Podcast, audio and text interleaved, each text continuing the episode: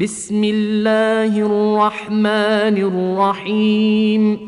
لإيلاف قريش إيلافهم رحلة الشتاء والصيف فليعبدوا رب هذا البيت الذي أطعمهم من جوع وآمنهم من خوف